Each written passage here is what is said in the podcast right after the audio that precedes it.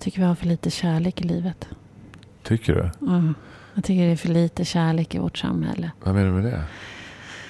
Jag önskar att det gavs mer uttryck åt, åt omtanke, om, om försoning och förstå varandra. Det låter eh, klyschigt, jag vet. Men jag, jag längtar efter det. Mm.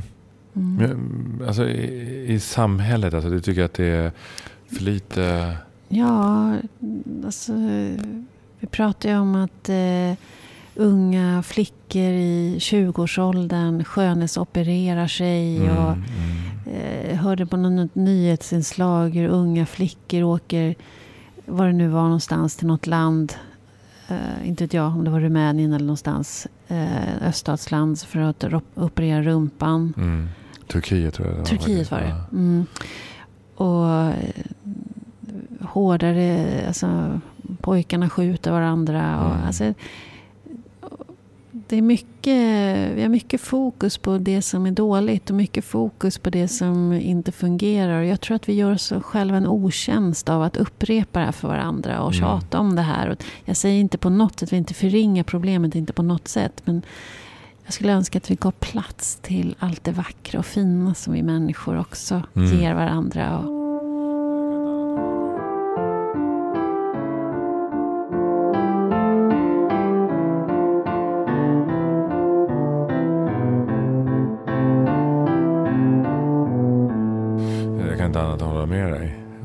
det. Men jag, jag tänker så här äh, lite grann också. Hur, fi- finns det någon statistik på hur många det är som åker iväg och förstorar rumpan? ja, Alltså, är, det, ju, är det ett reellt pro- problem? ja, men det var Ja. ju, det Eller- fanns ju siffror i det nyhetsinslaget. Ja. Men nu kommer inte jag ihåg det. Ja. Men eh, ja, det, det bör, alltså någonstans börjar ju, även om det bara just nu är en liten klick, så är det ju ändå så pass stor klick så att det kommer på riksnyheter. Och, ja. Så att jag tänker att ju mer vi pratar om det, desto mer flickor börjar titta på sin rumpa i spegeln och Ja. tycker att den är för platt eller liten eller vad det nu är för någonting. Ja. Och, och de här då influenser av olika slag visar upp sin stora, eller stora, jag vet inte hur den ska vara, men hur den nu ska vara, vackra Ja. rumpa. Ja. Ja, det är klart att det är ett problem. Ja. Det låter ju helt absurt i, mina öron.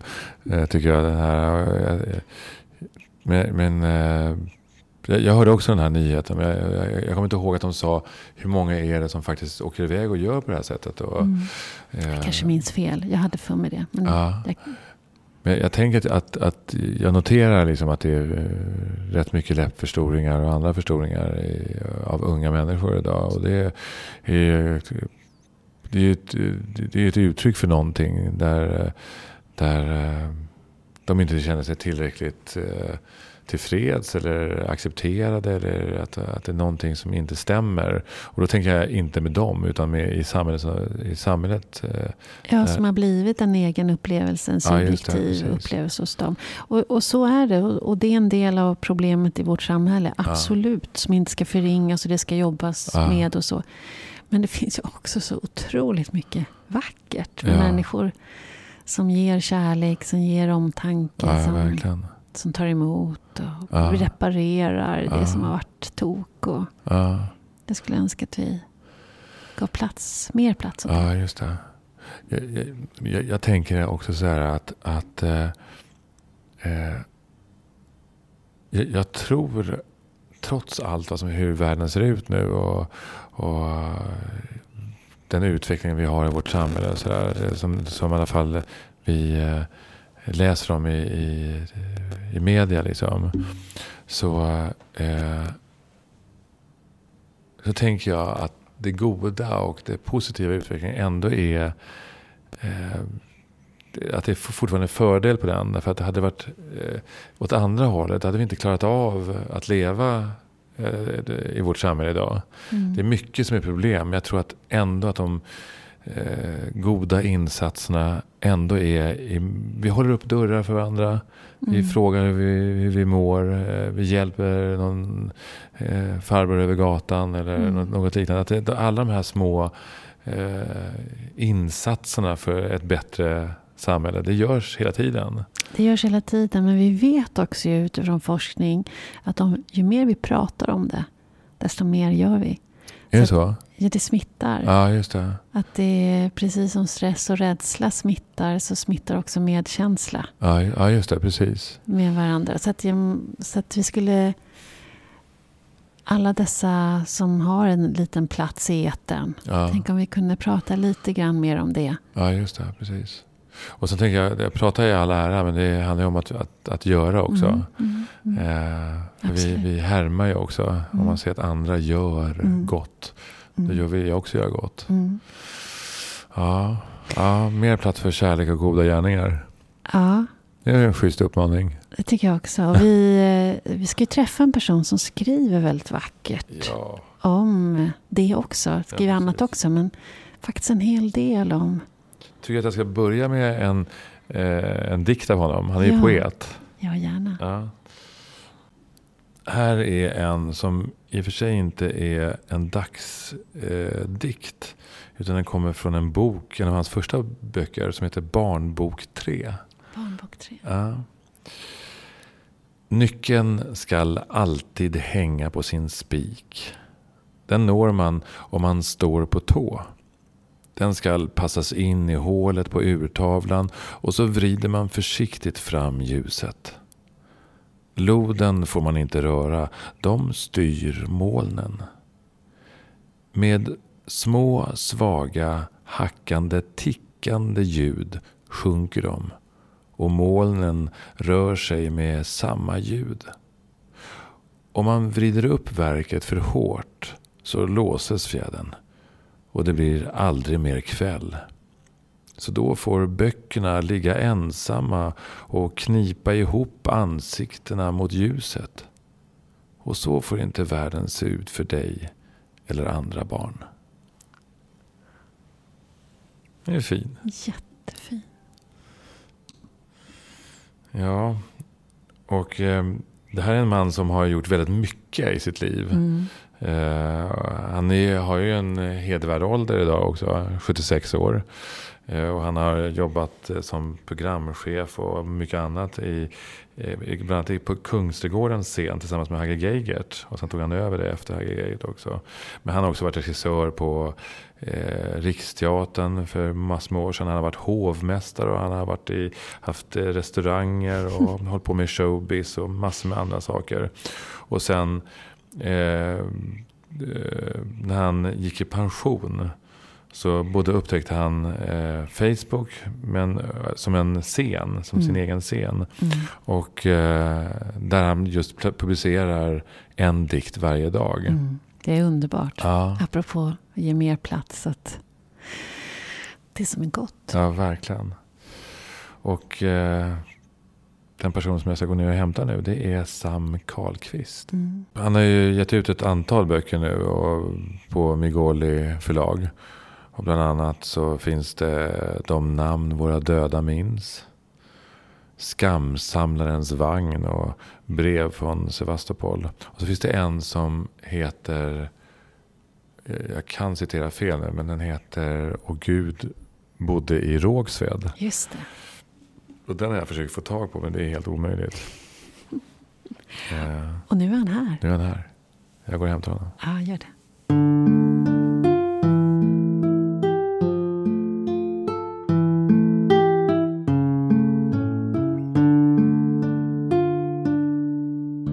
Välkommen Sam Karlqvist. Tack så mycket. Till podd Mogna.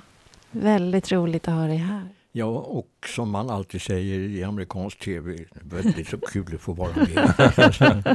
Säger man det på svenska i amerikansk tv? Eh, det, alltså det, jag vet inte hur många gånger jag har sett detta just i, i såna här amerikanska talkshows. Ja. Ja. Sam, vi går rakt på. Har du mognat något den senaste tiden?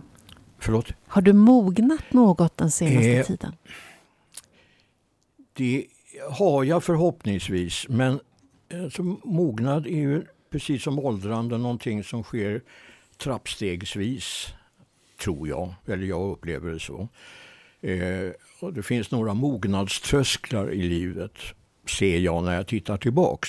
Sen är det så att det är andra människor som ska avgöra om de uppfattar att jag har mognat eh, eller om jag sitter alldeles för mig själv och tycker att ja, men det här var ju bra. Men, men eh, det är min första upplevelse av mognad.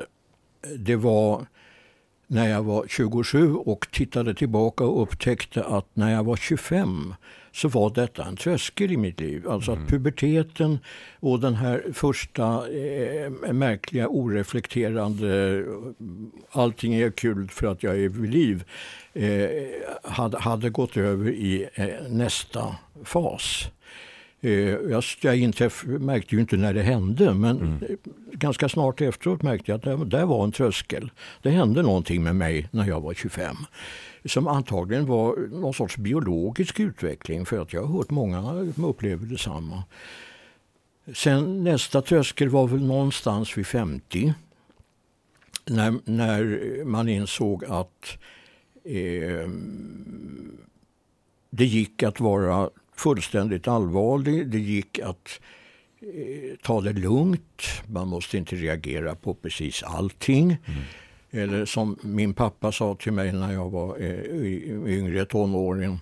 Sam, det är inte så att hela världen längtar efter att få höra din åsikt om allting. Mm. Eh, vilket jag faktiskt tog till mig.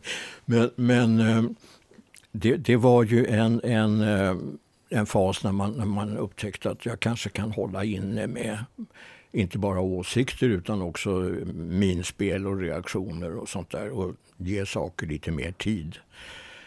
Sen är 75 en annan tröskel. Och jag är 76 nu. Och där, nu känner jag så här att varför fattade jag inte när jag var mycket yngre det jag tror mig fatta idag? För hur mycket bättre hade saker inte kunnat gå då?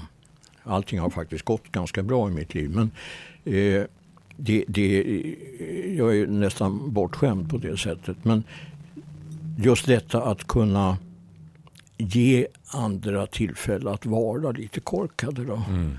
Mm. Eh, och ge mig själv rätten att liksom göra fel. Mm. Mm. En större eh, tolerans. Ja, en tolerans gentemot det mänskliga i oss alla. Va? Ja, att det, även den som vräker ur sig något fruktansvärt dumt kan ha råkat bara haft en mm. fruktansvärt dålig dag. Ja. Jag behöver inte sätta det som karaktäristiska på, på, på den här personen. Eh, det finns många sådana här olika saker. Som, men det märkliga är att man upplever ju aldrig saker när de sker utan i backspegeln. Mm. mm. Och det är gott så. Men vid 75 så blev det en sån Jag tycker det idag. Kring eh, därför 75 präglades av åren innan så, så, så, så resonerar jag för mig själv, när man alltså hade börjat, från och med 70 börjar man bli lite skraj. Va? Mm. Eh, då inser man att det är en nedräkning någonstans och nu måste man vara rädd om vad man gör. Man måste unna sig att ta det lugnt och man måste samtidigt hela tiden vara medveten om vad är det jag vill slutföra. Mm. Och att det kan gå en säkring när, precis när som helst. Imorgon mm. kanske jag inte kan prata. Mm. Eh, och, och då måste man eh, ta livet på allvar. Mm. Eh, eftersom man, man ser väldigt tydligt att det inte alls är lika mycket kvar. Eh, och, och, så måste man balansera då den rädslan som det här naturligtvis innebär. Som då pendlar. Alltså, så här, plötsligt så sitter man där och inser att ja, men här, jag ska dö på riktigt. Mm. mm. Det är inte bara något man snackar om eller som andra gör. Mm. Utan det här ska ta slut, även mm. för mig. Mm. Eh, och det där är, det är en tröskel. Eh, därför att alltså döden är abstrakt och den drabbar andra och man sörjer och, och, man är medveten om vad det är för någonting. Men så plötsligt det där lilla snäppet, även jag, på mm. riktigt. Mm. Hur ska det gå för min fru? Mm. Hur ska det gå för barn och barnbarn? Vad kommer att hända? Vad kan jag ställa till rätta nu? Vad kan jag mm. bädda för? Mm. Ansvar. Mm. Plötsligt har man ett gigantiskt ansvar för att avsluta. För vad som händer när man inte längre är där och kan göra ett dugg åt det. Mm. När man så att säga i sitt eget medvetande aldrig har funnits. Mm. Eftersom man kan inte vara död som en god vän till mig sa. Utan man, I andras ögon är man död men själv är man ingenting längre. Nej, man har aldrig ens funnits. Va? Eh, man är tillbaks i väntrummet. Alltså platsen man vistades på innan man blev avlad. Ah. Ah. Eh, är det så du, du tänker kring ja, döden? Eh, det gör jag. Eh, och, och, det där... Är det en slags reinkarnationstanke helt enkelt? Nej, nej. nej det är det inte. Men, men eh, det är snarare ett sätt att, eh, att hantera rädslan. jag är rädd för att dö men jag kan inte vara rädd för att vara död. Nej. nej. Men och så, så, så, eftersom jag skriver mycket om detta så, så får jag ju en massa reaktioner från människor som själva har naturligtvis massa bekymmer med de här tankarna. Va? Eh, så otäckt är att vara död. Ja, men så brukar jag svara, det har du redan varit. Mm. Så att säga, du har redan varit på noll. Mm. I, i, i eoner. Mm. Och det var väl inte så otäckt. Vad du vet i alla fall. Nej, men det, jag minns inte att det var otäckt. Nej. Nej. Eh, att, finns man inte så finns man inte. Ja. Eh, och sen, sen, sen kommer ju alltså det här stora ansvaret med den här eh, judiska grundtanken att prata om dem som inte finns för på det sättet håller man dem vid liv. Mm inte, inte, ens, inte bara minnet av dem utan de är, blir faktiskt närvarande eh, i ens medvetande. Alltså jag hör mig själv säga, jag hör själv hur pappa pratar ur min mun när jag tillrättavisar barn eller barnbarn. Va? Eh, det där upplever vi alla. Det, det, är också en diktsamling som du har benämnt, fast du har vänt på det lite grann. Mm. Som du kallar för De namn våra döda minns. Ja, det är den senaste boken. Ah. Det är också den, väldigt uh, finurligt. Ja, den, den, utgår ju helt från den tanken. Ja, just det. Uh, och uh, det, det, är, uh, det, är väldigt, det är väldigt viktigt. Alltså jag pratar med mina barnbarn om mina morföräldrar. Att de ska veta var rötterna mm. kommer ifrån på mm. den sidan av familjen. Morfar Samuel Bondarewski från Sevastopol som kom hit 1903 för att slippa bli, eller 1904, för att slippa bli uttagen i rysk-japanska kriget. Mm. Där alla judar skickades ut till fronten för att bli kanonmat. Va? Ut med dem först.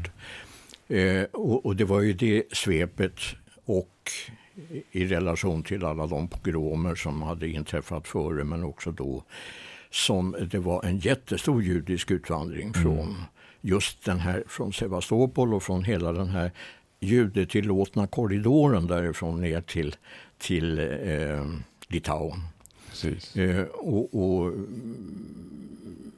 folk flyttade till, till eh, Frankrike och, och, till USA framförallt. Min morfar var på väg till USA men fastnade i Stockholm och det är jag mm. väldigt glad för. Mm. Min eh. familj kom ju samma väg, fast från Odessa. Ja, ja. ja det är inte så långt. Nej, precis. Det är samma avdelning, ja, samma korridor. Ja, precis. Ehm, och min mormor Matilda Svidler eh, var född i Globokoj, uppvuxen i Globokoj som var då en städel i, i alltså en, en sorts by. Eh, i, på ryska sidan gränsen är det som väl är Vitryssland idag. Mm. Eh, men nära Litauen. Så att hon sa Bajunsim Vilna. Hon gick i skola i där, jag tror hon gick i skola i Riga också. Eh, för att alltså, gränser på den tiden, ska man komma ihåg, var ju inte så oerhört viktiga. De flyttades fram och mm. tillbaka. Mm. Eh, och pass var, inte, var egentligen inte, fanns inte riktigt Nej. det vi menar med pass idag. Va? Men däremot så fanns det ju en stor industri eh, i, i Ryssland att, att eh, utrustas med turkiska identitetshandlingar för att det gick lättare att lämna då, det, det. runt det förra sekelskiftet. Eh, så att du har den här... Jag tittar på en sån amerikansk eller engelsk serie med, med Här är ditt liv. Eh, och eh, Sushi, eh, skådespelaren som spelar Poirot, han har exakt samma bakgrund.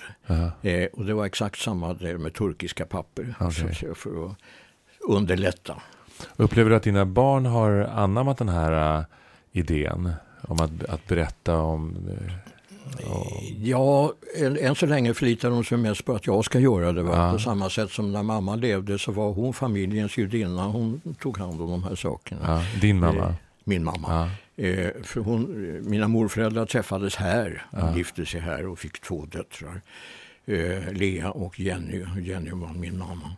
Eh, och eh, så länge hon levde var hon ju liksom familjens representant. Va? Med i församlingen och skötte dem. Såg till att vi visste vad det handlade om. Men det var ett sekulärt hem jag växte, mm. växte upp i. Det var ju inte så att vi höll korser eller, sabbatsmiddag. Pappa var kristen, låt vara agnostiker. Mm. Eh, och det där är ju också eh, någonting jag försöker föra vidare. Då, det här folk pratar om antisemitism i Sverige som om det var någonting nytt eller någonting som dök upp under andra världskriget. Det är inte så antisemitismen i Sverige, den som min mor och hennes jämnåriga växte upp med och som dina föräldrar mm. växte upp med. Den var ju vardag. Den, den betraktades ju inte ens som elakhet med, med Albert Engströms eh, judeteckningar och mm. annat. Som folk skratt. Det, det, var inte det var så självklart att det inte betraktades som rasism eller, el, eller ondska förrän det tog sig såna dramatiska uttryck som Isak Grünewald och sånt där. Mm. Men, men eh, när folk slogs. Mm. Men, eh, de, de impregnerades av att få höra judeskämt och såna här mm. saker i skolan. Och de växte ju upp med det här. Va? Eh, och, det där är ju väldigt viktigt att folk ska känna till. Verkligen. Överlag med förtryck är ju många gånger någonting som man inte ser utan man har normaliserat det förrän dess att det börjar speglas. Ja, det blir och nu norm. ser vi det ju igen när det, mm. Nu börjar det, proppen har ju gått ur i samhället va, i och med ett visst partis växande så, så upptäcker man att människor som alltså höll igen på sina åsikter eller bara framförde dem i bastun med likasinnade eller vid mm. köksbordet eller när de var skitfulla. Nu uppfattar de att det är tillåtet att säga sånt här mm. och skriva sånt här mm. högt. Spärrarna har släppt ungefär som folk har längtat efter att få säga såna här saker. Och det handlar om förakt mot svarta och mot romer och liksom all typ av rasism. Mm. mm. Plötsligt så har den blivit inte salongsfähig men åtminstone inte längre förbjuden. Mm. Det är på, på någon sorts allmänt trots.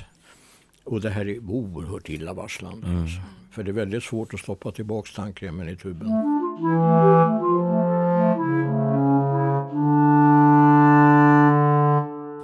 Ja, och vad det gör med oss människor med den tonaliteten. Vad vi, eh, jag tänker att vi, vi blir hårda och kalla. Och rädda. Och väldigt, väldigt mm. rädda. Och, och också, jag, tänk, jag tänker det återberättandet som du eh, gör här nu också. Hur viktigt det är för oss allihopa. Därför att utan återberättandet, även i den familjära återberättandet, så blir vi historielösa. Och är vi historielösa, då är det då vi upprepar de här sakerna om och om igen. Och att vi inte lär oss, att vi ja. inte mognar längs med vägen. Mm. Och då är det lätt att uh, dra upp de här uh, åsikterna igen. Uh, Ja, alltså det, det är ju, jag, jag brukar ju säga så att rasism är, finns ju latent i samhällen. Eh, det vill säga den här gamla känslan att det som är främmande är inte positivt utan i grunden negativt och hotfullt tills dess vi upptäcker att det är okej. Okay, mm. eh, du står vid löpande bandet på en fabrik och bredvid dig har du en kille från Jugoslavien som du från början tycker är en jävla apa för att du förstår inte vad han säger och du kan inte förstå att en människa inte kan prata svenska i samma ögonblick som de har satt sin fot på vår jord. Men efter ett tag så är ni kompisar och även om ni inte springer ut och in i varandras hem så, så, så spelar ni eh, på hästar tillsammans och ni blir alltså en sorts kamrater. Va? Men killen i stan bredvid där som kommer från samma ställe, det är en farlig jävel. Mm. Eh, och, och, och, folk gör inte skillnad på det här och ser att ja, men, han är också en kompis vid löpande bandet på ett annat ställe.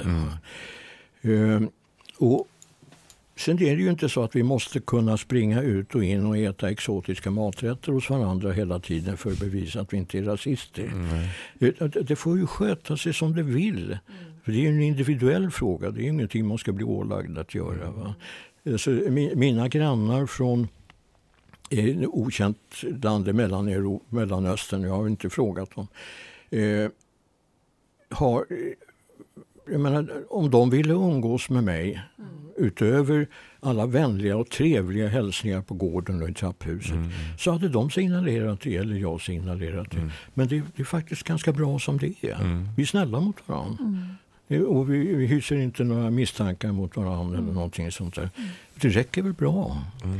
Men jag tänker utifrån det här som du beskriver och sen så inleder du med att prata om din mognad. Att den senaste tiden så har du noterat att du är mer ödmjuk både mot dig själv och mot andra. Att man, man behöver inte vara personifierad med sitt plumpa uttalande eller man tänker eh, snabbt och fel. och, och att man är människa, man måste också få göra det ibland och få be om ursäkt och reparera såklart. Ja. Men att det, det är en det, del... det finns inte så många stridslinjer längre. Mm. Nej. Mm.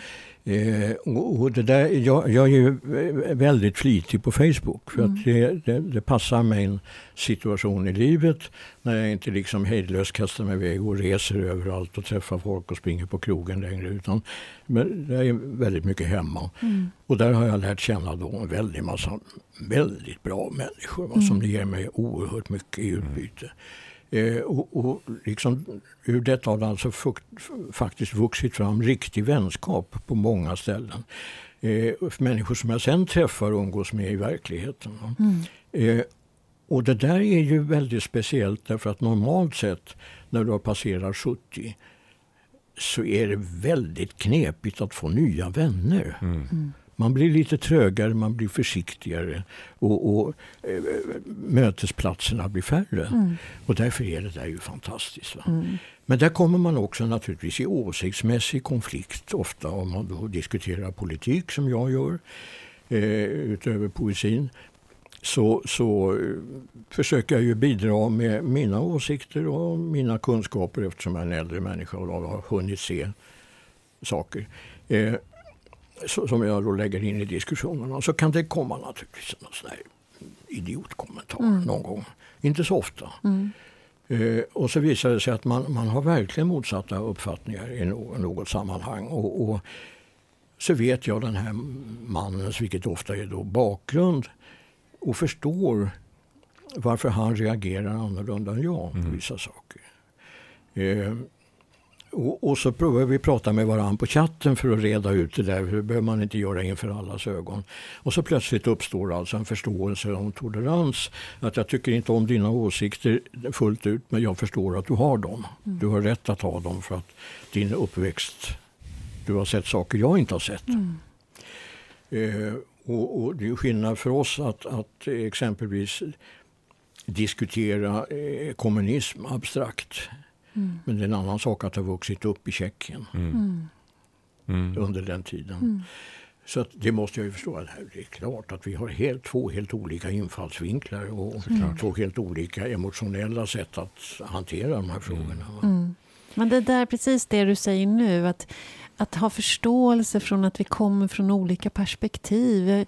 Vi är emotionellt laddade på med olika saker och olika triggers. Att det hade jag verkligen önskat i vårt samhälle. Att, den, att vi kunde möta varandra med den förståelsen. Även om jag inte begriper ett dugg av vad du säger. Men om jag sätter mig in i vart du kommer ifrån så blir det begripligt. Men vi, jag upplever inte att vi tar oss den tiden. Att, att stanna upp och vara kvar och utforska och undersöka. Det är en fördel med att bli gammal, är att du har tid ah. att göra det. Mm. Eh, jag ägnar mycket tid åt att försöka eh, komma överens begreppsmässigt om våra, våra upplevelser i grunden. Va? Eh, och, och, det innebär att nästa gång vi kommer i en konflikt så blir tonen mycket mildare mm. mot varandra. Mm. Och så kommer in en tredje part och säger men hur kan du... Och sådär avsevärt mm. yngre då igen blir, trycka på knappen förbannad. Va? Och då måste jag säga att jo men så här är det att nu respekterar vi varandras bakgrund. Mm. Eh, och har därför en ökad tolerans för avvikelser i åsikter. Mm. Love it or leave it, mm. det är så. Mm. Eh, och, och, det där är, eh, som jag sa, varför, varför uppnår jag det stadiet nu? Varför inte för 20 år sedan? Mm.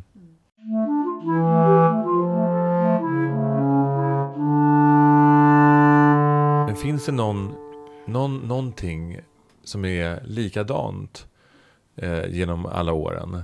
Som du känner igen? Liksom, det här var Sam när han var 20, 30, 40, 50? Ja, och från min barndom. Eh, jag är ju oerhört... Eh, Tranströmer har beskrivit det väldigt fint, att de här årsringarna av lager på lager, att man är idag samtidigt alla de man har varit. Det, det, är jag oerhört medveten om och ja. har försökt beskriva också flera gånger. Eh, att att eh, det barn jag var pratar med mig. Och den unge jag var pratar med mig. Och, och det är en oerhört livaktig diskussion inuti. ja. eh, och det där eh, det finner jag naturligtvis oerhört stimulerande. Det är ja. inte så att jag har blivit en bättre människa än när jag var nio år. Jag, han, han var helt okej okay som nioåring. Ja. ja. Och han hade sitt perspektiv på livet. Och, och eh, det, då begreppet mognad, där, där, där finns det faktiskt en fas som jag glömde bort. Och det är det att när jag var sju år, 1953, så gick det en stor polioepidemi mm. genom landet. Och min far drabbades och blev totalförlamad. Och som läkarna sa efteråt, att han dog flera gånger om dagen men de fick liv i honom. Och han återhämtade sig men satt resten av livet i rullstol. Körde bil till och från jobbet med, med, med en massa extra aggregat i bilen. Va? Eh, han var en av de första som fick en, en sån här en, en, broms som var pneumatisk och styrdes med ett handtag på ratten. Mm, mm. Eh, alltså byggde på lufttryck. Eh, eftersom han hade bara en fungerande fot som han kunde gasa med. Eh, så att bromsen satt här. Men eh, mognaden i detta innebar att, att växa upp, eh, och det här har ju många gjort av olika skäl, att växa upp med en pappa som man fick hjälpa till att lyfta och hjälpa vid toalettbesök. Eh, som man, om, om man hade varit riktigt dum, och det hände nog bara två gånger, så han ville bestraffa en, så han ville lugga en. Så fick man gå fram och så fick man stoppa fram huvudet för han skulle komma åt och lugga Och då luggade han väldigt milt, men det var en gest. Ja. Eh, och det var om jag hade varit dum mot mamma. Det tålde han inte. Och sen så, men, men grejen var det att pappa var någon som behövde hjälp. Men han var absolut en man, han var absolut familjens far. Mm. Det var ingen skugga om det, alltså det var aldrig tal om att liksom på något sätt eh, att, att den här rullstolsbelägenheten och, och delvisa förlamningen var, var eh, förminskande. Inte alls, det var min farsa. Mm. Eh, och han sa sopa golvet. Ja, jag ska läsa färdigt Kalle Anka. Nej, du behöver, den behöver sopas nu. Om jag hade kunnat gå hade jag sopat. Du ska hjälpa mamma. Och just det att hjälpa mamma var väldigt viktigt. Mm. För, och det visste jag att det där hade han gjort. Men det var samtidigt någonting som, som man växte upp med. Det, det betyder ju inte att man sprang benen av sig för att vara hjälpsam. Det gör ju inget barn. Men, men man hade åtminstone ett sorts begrepp om ja. saker och ting hängde samman. Va? Men vad intressant det här med att du växer upp med en pappa som är allt vad pappa är. Och jag tänker det vi också kopplar till att vara man, att vara stark och vara stabil och vara beslutsmässig. Och du har en pappa som är allt det där, men du har också en pappa som behöver hjälp. Ja. Och är på sätt och vis sårbar på det sättet. Ja, fast vi uppfattade det ju aldrig så. Eh, det, här, alltså det här hände när jag var sju år. Så att för mig blev det här ju det, det naturliga livet mm. i familjen. Eh, sen var pappa aldrig eh, eh, någonsin så där hade en massa åsikter som man skulle ha för att man var kar. Mm. Han var smartare än så. Liksom. Mm. Det, var, det är klart att det fanns reaktioner. Jag menar, han, eh, han var en man av sin tid. Han sa saker som som, eh, som eh, män sa på den tiden till sina tonåringar. Akta dig för det tredje könet. Det skulle pappor säga. Mm. Det hörde till. Mm. Eh, han sa det bara en gång. Och sen när jag hade läxhjälp av en jämnårig kompis som var hejdlös gay så hade pappa inga som helst problem med honom. Mm. Naturligtvis inte.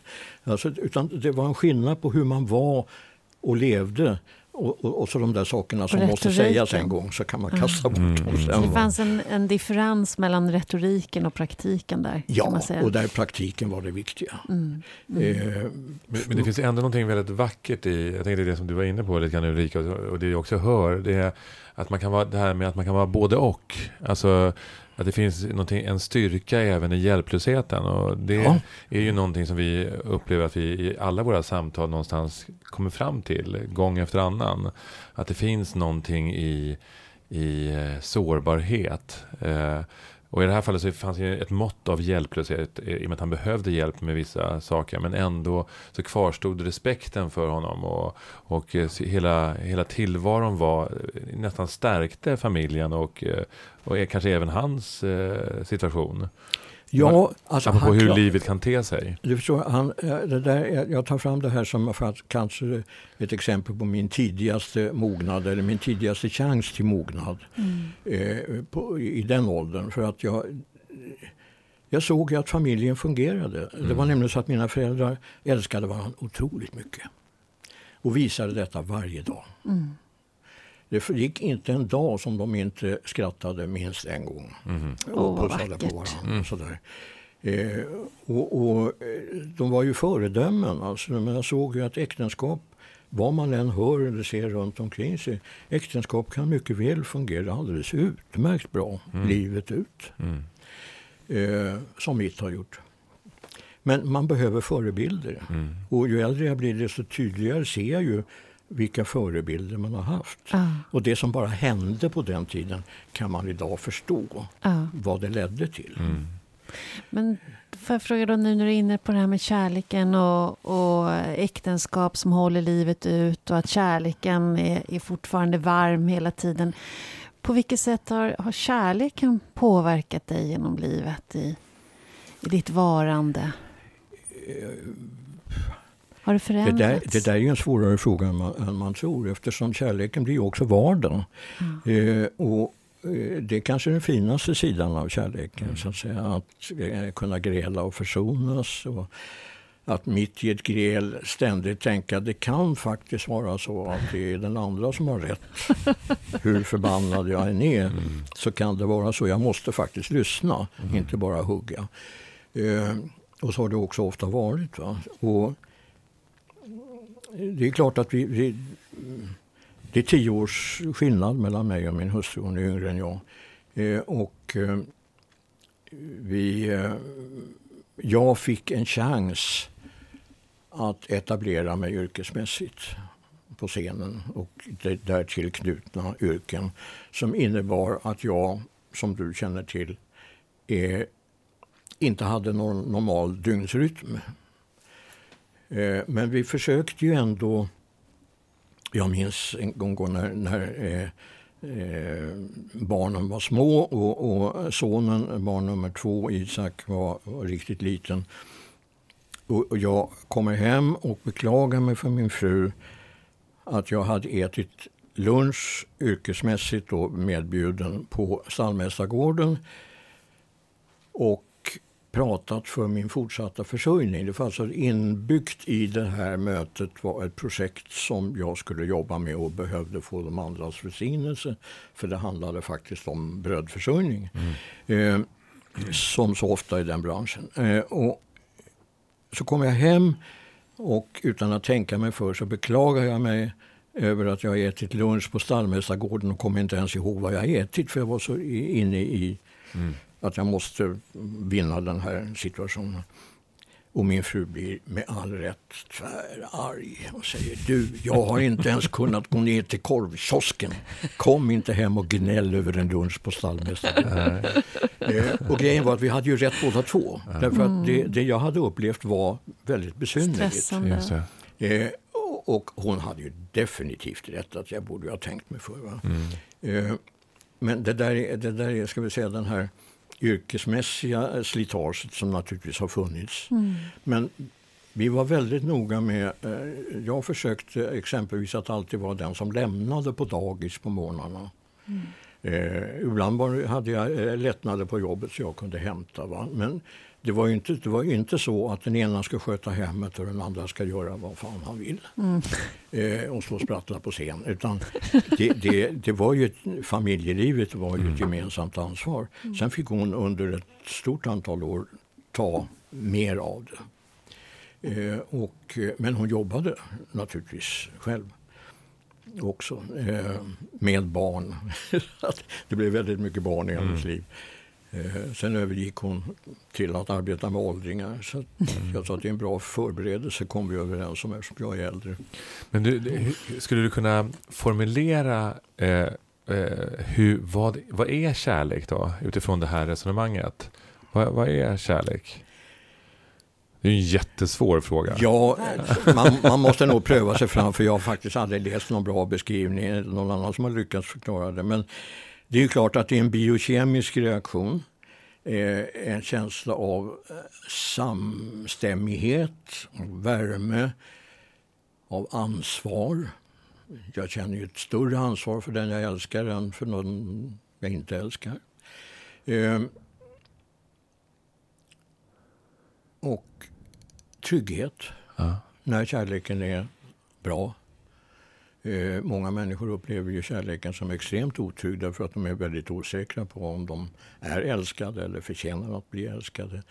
Eh, men vi, vi har inte hållit på att analysera det där särskilt mycket utan vi, eh, vi har bara sagt så här att detta är någonting som är ett vardagligt arbete för att upprätthålla. Eh, Och så har vi accepterat att det finns svängningar. Mm. Ibland gnisslar det. Det är väl inte så konstigt. Mm. Det har vi inte tyckt när det gnisslade heller. Va? Det, det gäller bara att ta, ta sig ur det. Därför att vi vet att det finns en grund som är väldigt, väldigt bra. Mm. Och ni har Eh. hållit ihop länge? Ja, det har vi. 40... Hon var 19 och jag var 29. 46 år läste jag någonstans. Ja, det är väl ja, inte- 45, 46 år. Oj, det är länge. Mm. Bra Det är jobbat. underbart. Ja, det är bra jobbat. Ja, alltså hon har ett stort tålamod, Ja. min fru. Eh, och vi försöker att förstå vad det är vi håller på med. Mm. Och det gör man inte alltid, Nej. men, men ambitionen finns väl där. Och nu behöver vi ta hand om varandra. Nu, nu är vi i den åldern som, som eh, vi behöver hjälpa varandra med saker och ting som man inte behövde förut. Eh, och det är en ny fas. Mm. Eh, och då, jag säger inte att kärleken prövas utan den bekräftas. Mm. Eh, även om det naturligtvis känns märkligt och oroligt ibland och, och, och sådana där saker. Men vänta, gå inte i trappan nu utan låt mig gå före. Så att, min, min fru har exempelvis fått en kronisk yrsel. Mm. Eh, som, som naturligtvis gör att tillvaron är otrygg när man ska gå i trappor och annat sånt där. Eh, och, och, vi är den fasen i livet som, som så att säga vi måste fixa. Mm. Och grunden är ju allt vi har gjort hittills och allt vi minns. Mm. Eh, och eh, underbara barn och Fanny och Isak och fem barnbarn. Mm. Underbart. Ja. Och så har du gett dem så fina namn. Jag tänkte, jag tänkte på det när jag såg en dedikation i en av dina böcker som var dedikerad till just till dina barn. Ja. Fanny och Isak. Och, och det betyder ju nästan samma sak. Alltså Fanny betyder någonting som är roligt. Och Mm. Isak betyder ju Yitzhak på hebreiska betyder och du skall skratta. ja. Så, eh, Det, det var jag inte, hade vi nog ingen tanke på just då. Men eh, vi gick ju efter, eh, även om vi inte lever ett judiskt liv, så, så, så finns det ju en, en massa saker som jag har hämtat därifrån. Eh, naturligtvis som känns självklara i min, tillvaro. Bland annat det där med att, att hedra någon bortgången med hjälp av att döpa. just det. Så, Alltså man får ju inte ge sitt barn namnet efter den som ännu lever. Utan det måste vara återigen det där att minnas.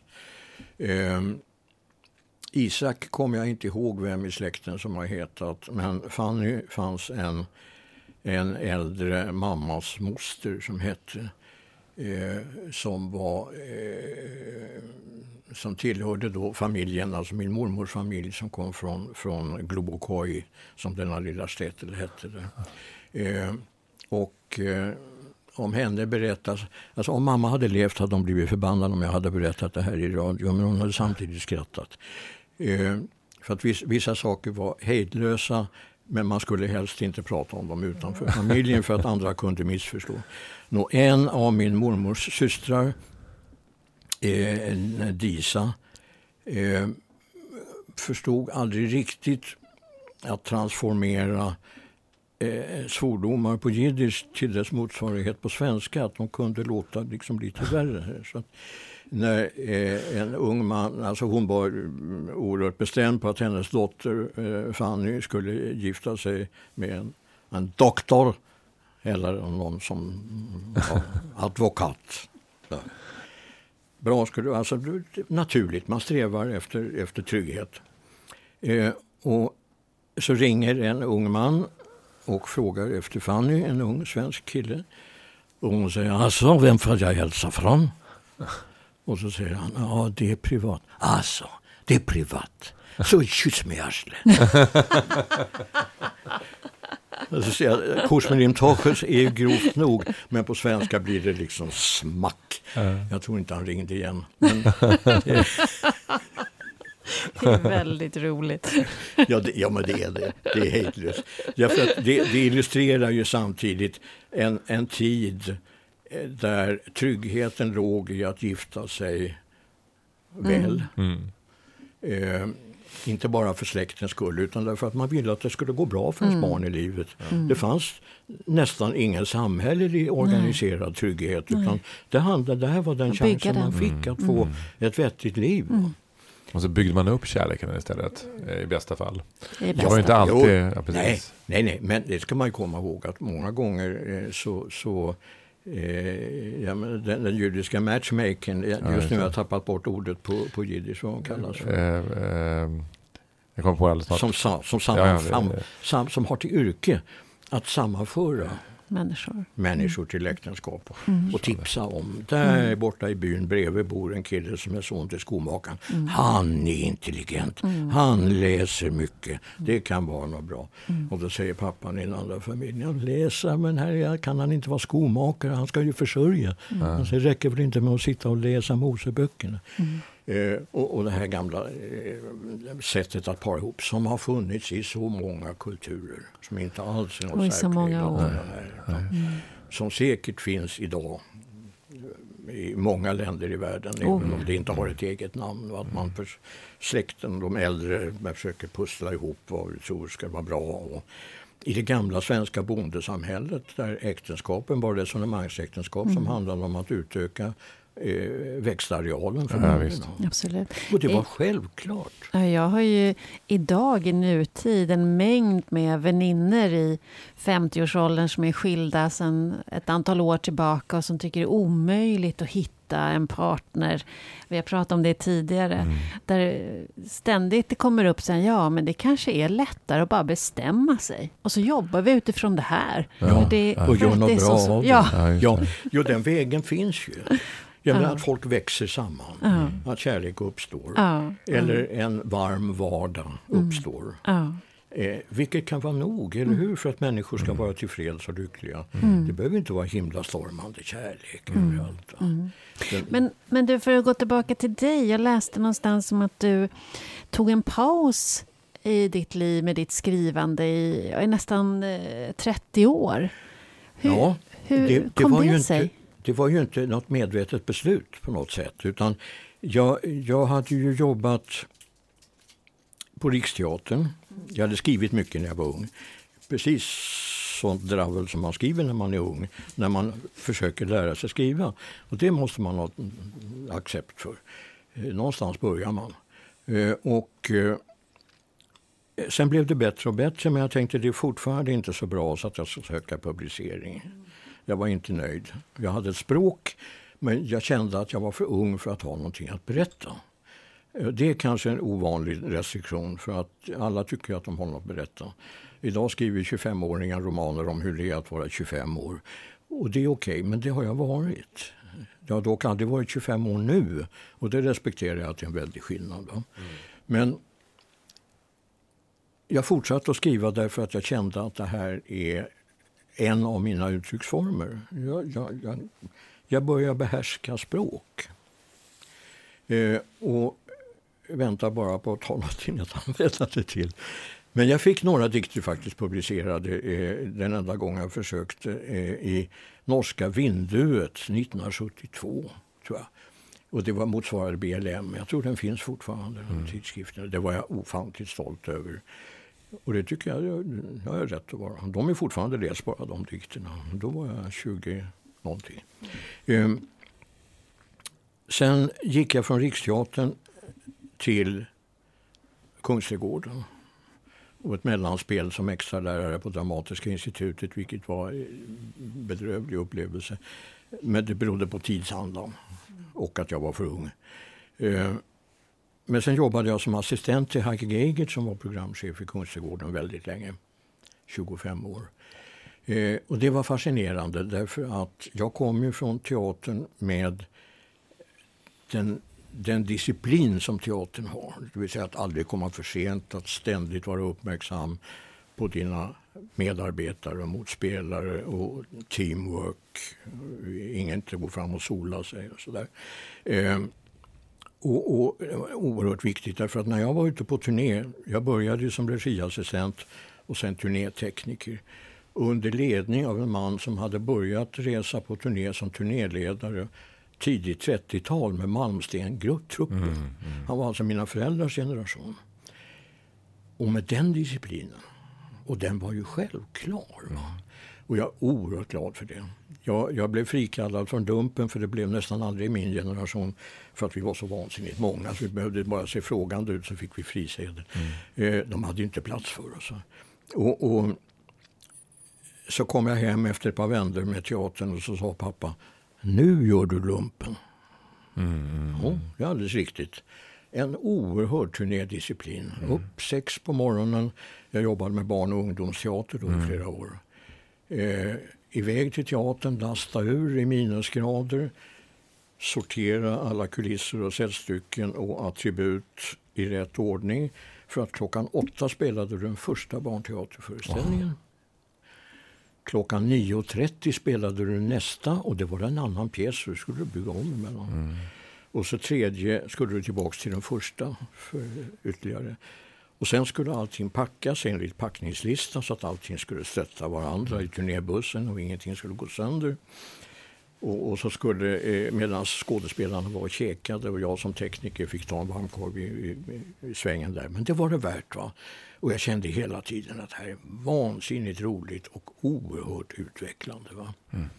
Eh, och det spelade ingen roll vilka skituppgifter det var. Allting var bra. Allting måste ju göras. Mm. Finns inget, alltså, du drar ur en byggkloss och allting ramlar. Så att allting är lika viktigt. Somliga får applåder, andra inte, men allting är lika viktigt. Eh, och god, oerhört god sammanhållning och sånt där. Och så satte man sig i bussen och så åkte man 20 mil till den stad man skulle spela i klockan åtta nästa morgon. Mm.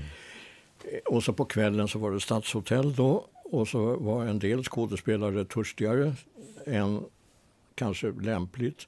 Och då var det upp till mig att, så att säga, som var yngst, va? Mm. att tala om för dem att grabbar det är sängdags nu, vi ska upp lira tidigt imorgon kanske inte liksom lukta konjak till barnen på första bänk va? och gärna komma ihåg repliker och sånt där. Men disciplinen fanns som sa okej, okay, fine, nu går vi och lägger oss. Uh, och det, det, var en, det var en skola, mm. det är ingen snack om. Och sen kom jag då till, till, till eh, Kungsträdgården och Hagge. Och han hade ju också en, en enorm disciplin. Men han var också, då märkte jag väldigt glad att jag kom från teatern för att den disciplinen övertrumfade så att säga det här lite rock'n'roll ja, mm. som en del av våra gäster hade. Det där med klockan var inte så viktig, mm. publiken längtade. Det var stort förbjudet hos oss. Mm. Du ska på nu, eller nyss. Mm. Du ska stå klar här när jag säger det. Eh, så jag började införa här, tio minuter från nu fem minuter, plats. Mm. Hade de aldrig hört i rocksvängen. Mm. Men det var, de var stenhård. Jag avskydde sån där slapphet. Därför att den visar en brist på respekt för publiken. Mm. Jag sa, om du inte respekterar publiken som är dina arbetsgivare. Mm. Det är de som betalar din lön, mm. även om det var gratis inträde. Mm, mm. Eh, så i längden är det det det handlar om. Mm. Om du inte respekterar dem så respekterar du inte ditt yrke. Mm. Du inte hålla på med det här. Och det fanns de som faktiskt behövde höra det. Mm. Så det blev en lång period med det. Eh, och sen gick du tillbaka till skrivandet alltså? Ja, först så, så var det så att jag efterträdde Hagge faktiskt och fick vara programchef i 30 år. Aha. Och under den tiden så gick all min kreativitet åt att skapa program, att hitta på nya saker, eh, att räkna ut vad publiken skulle vilja se, fast de inte visste det ännu. Eh, helt enkelt nya produktioner, hitta pengar till dem, eh, engagera artister, eh, stort producentskap.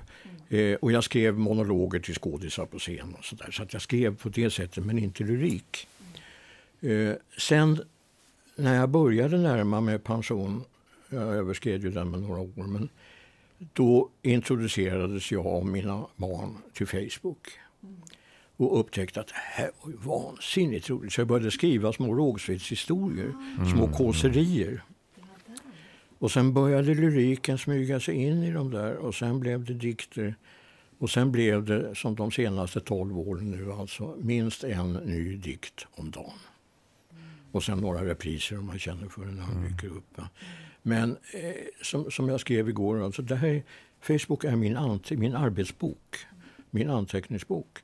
Eh, dels är det för att skalövningar, jag håller pennan igång och hjärnan. Eh, och dels är det skisser. En, en del saker visar sig faktiskt hålla så fel att de är färdiga. Andra ska ett år senare bearbetas och kanske sättas mm. ihop med något annat och hamna i en bok. Men det är ständigt pågående, en arbetsbok för mig. Mm, mm. Eh, och det är det för väldigt många. Alltså är fler och fler och fler som visar upp konstfoto, som visar upp sina målningar, mm. som visar upp eh, noveller, som visar upp dikter. Eh, och, och det, ett, ett, det har plötsligt blivit okej. Okay. Alltså jag vet för flera år sedan så, så sprang jag på en, en, en bekant eh, författare eh, eh, på, på tunnelbanan, en väldigt etablerad sådan, som, som eh, så sa jag att jag, ja, men jag lägger ut dikter varje dag på Facebook. Dikter på Facebook?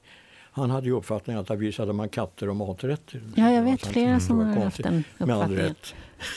Men under de här åren har jag sett hur det här har utvecklats väldigt, väldigt mycket. Va?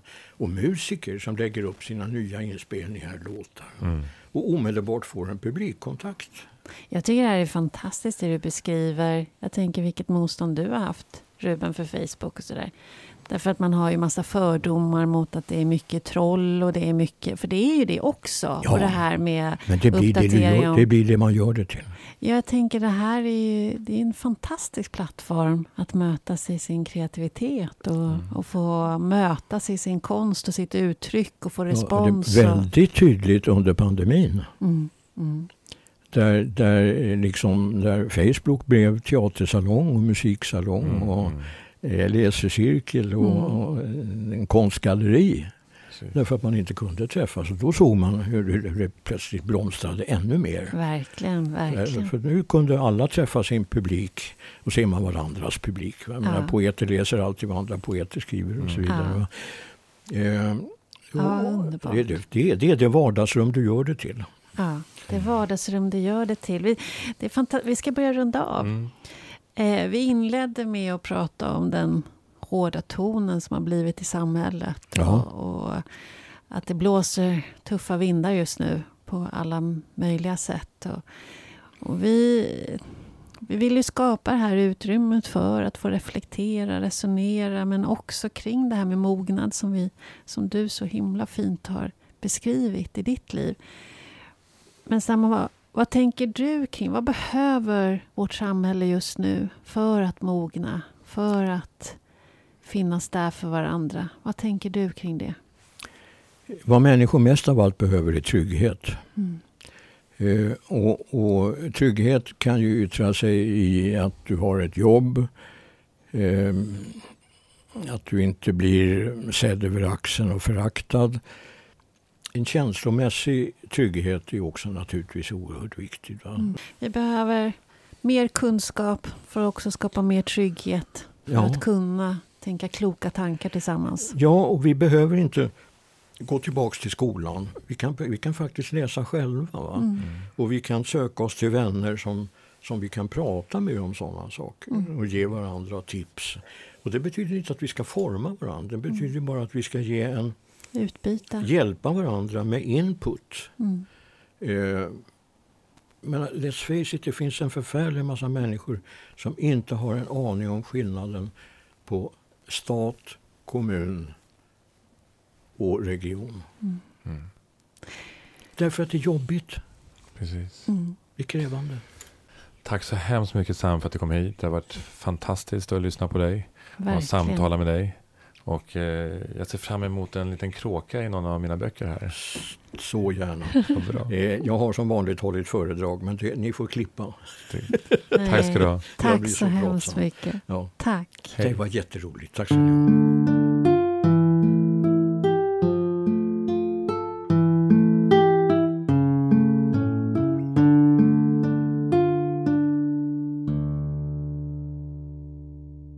Den tidiga morgonen då jag föddes var kråkorna röda och lammen och taken och geten och korna och den ljuvaste regnvåta andedräkt från avlägsna åkrar och hästar och döve skomakarens morgonsill.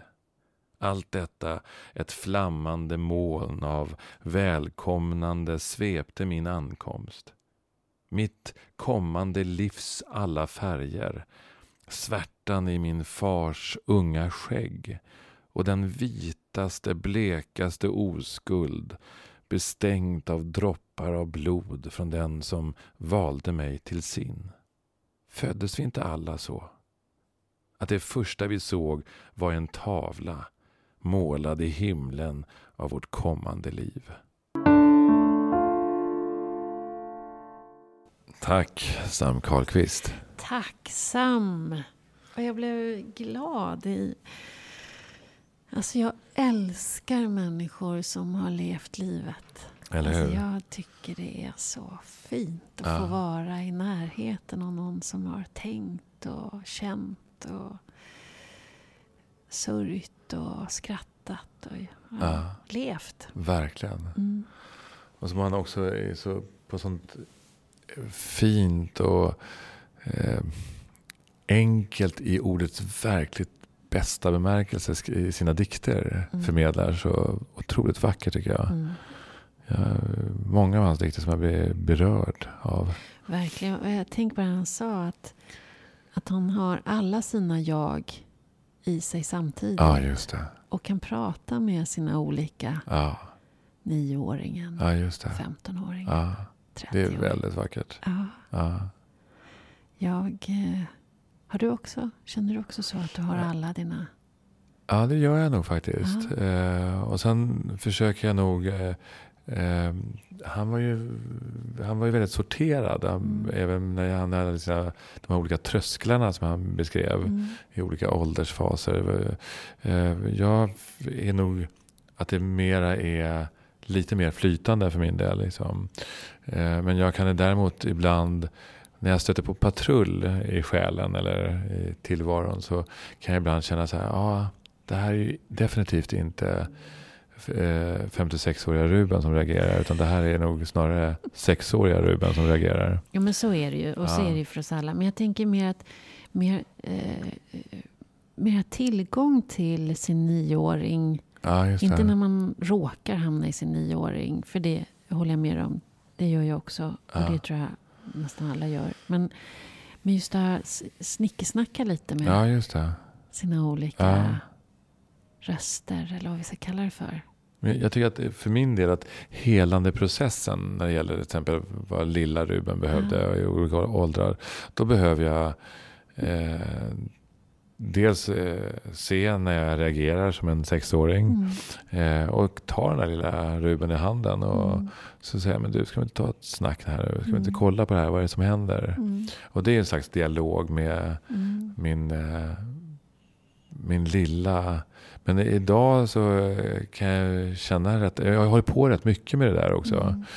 Och idag kan jag nog känna mer att jag känner av vissa tider. Mm. Jag känner igen det men att det är mera integrerat i den 56-åriga Mm. gubben idag. Liksom. Mm. Mm.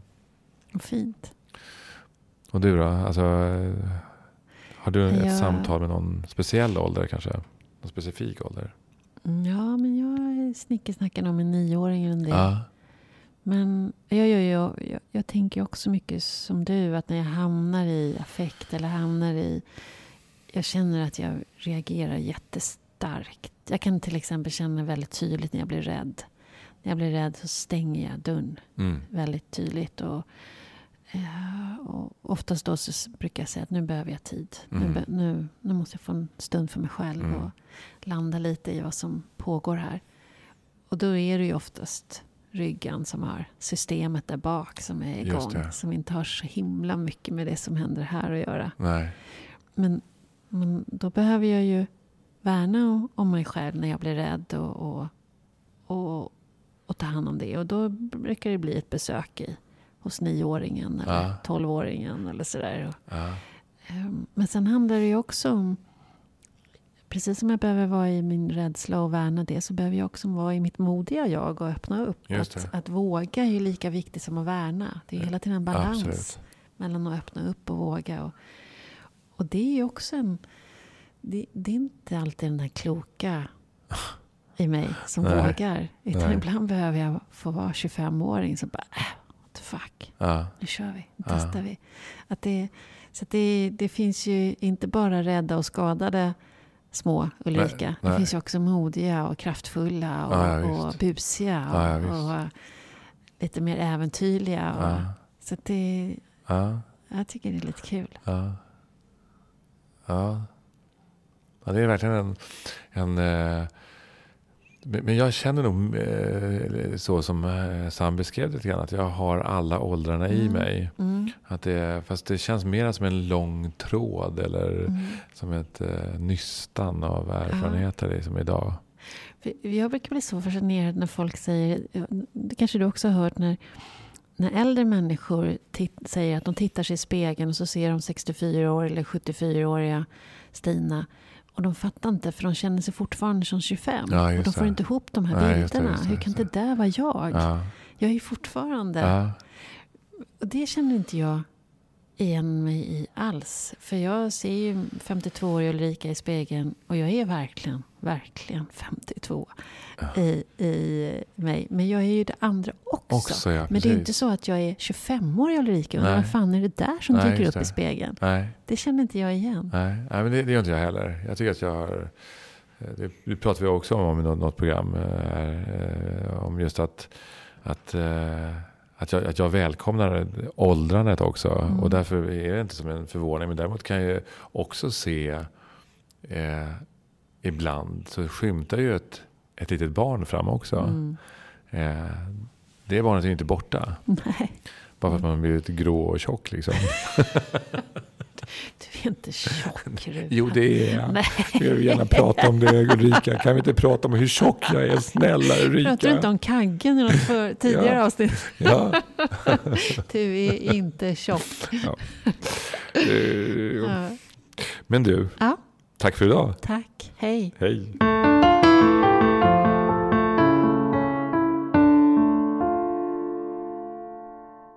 Imorgon ska jag vara lycklig.